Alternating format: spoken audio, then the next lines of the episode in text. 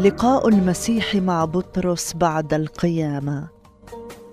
بعد القيامة ظهر الرب يسوع لتلاميذه على بحيرة طبرية وهو المكان الذي عاش فيه وعلم الجموع وصنع المعجزات.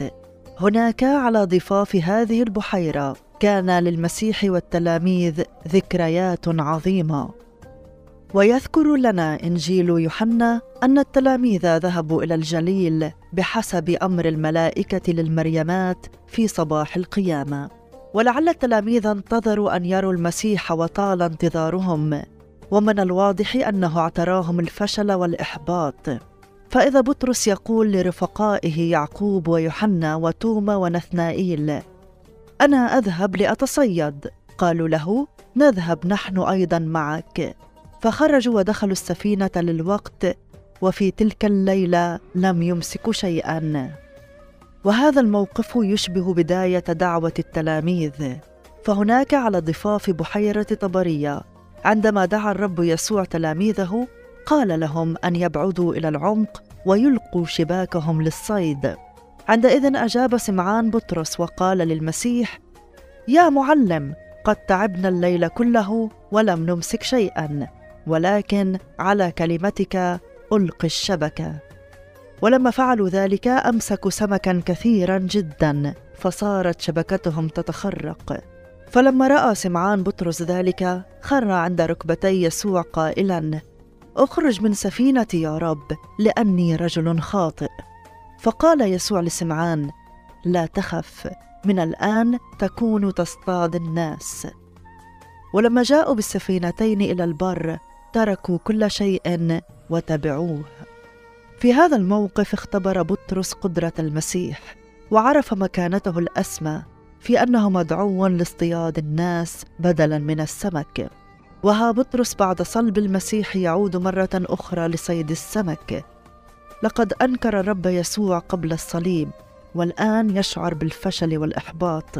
لقد خسر كل شيء والموقف يتكرر مرة ثانية. ولما كان الصبح وقف يسوع على الشاطئ ولكن التلاميذ لم يكونوا يعلمون أنه يسوع. فقال لهم يسوع يا غلمان ألعل عندكم إداما؟ أجابوه لا فقال لهم ألقوا الشبكة إلى جانب السفينة الأيمن فتجدوا فألقوا ولم يعودوا يقدرون أن يجذبوها من كثرة السمك. ويذكر يوحنا في الأصحاح الحادي والعشرين عدد السمك الذي اصطادوه مائة وثلاث وخمسون سمكة. ولهذا العدد دلالة خاصة لأن الرقم 153 باللغة العبرية يعني أنا هو الله. وهذا تأكيد من الرب على حقيقة طبيعته اللاهوتية. وعندما خرج التلاميذ من البحيرة وجدوا أن المسيح قد أعد لهم مائدة من السمك المشوي والخبز.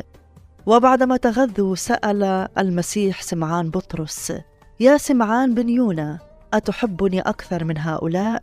قال له نعم يا رب أنت تعلم أني أحبك. فقال له ارعى خرافي. وكرر المسيح سؤاله لبطرس ثلاث مرات. وفي الثلاث مرات أكد المسيح لبطرس ارعى خرافي ارعى غنمي وهنا استرد الرب يسوع لبطرس مكانته من جديد. ففي دعوته الأولى لبطرس عند بحيرة طبرية أكد له لا تخف من الآن تصطاد الناس وهنا بعد أن أنكر بطرس الرب يسوع أكد له دعوته ومكانته من جديد. لم يوبخ الرب يسوع بطرس ولم يؤنبه على إنكاره له. إنه يعرف قلب بطرس ويعرف ضعف بطرس كإنسان.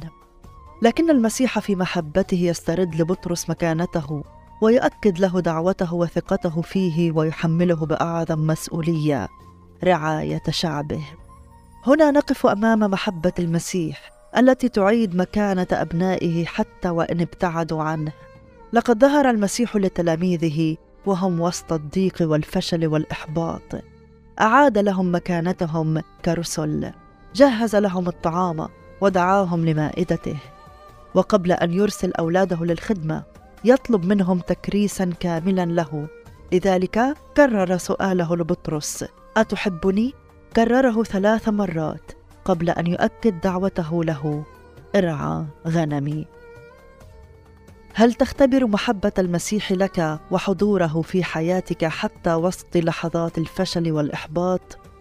ثق أنه معك ليسدد احتياجك ويقدم لك مائدة حتى وإن لم تستطع أن تمسك شيئا طوال ليل انتظارك وتعبك.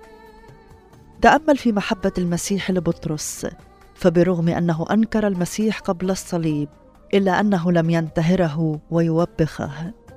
لكنه بمحبته سامحه وأعاد له كرامته ومكانته وأكد له ثقته فيه كرسول للمسيح.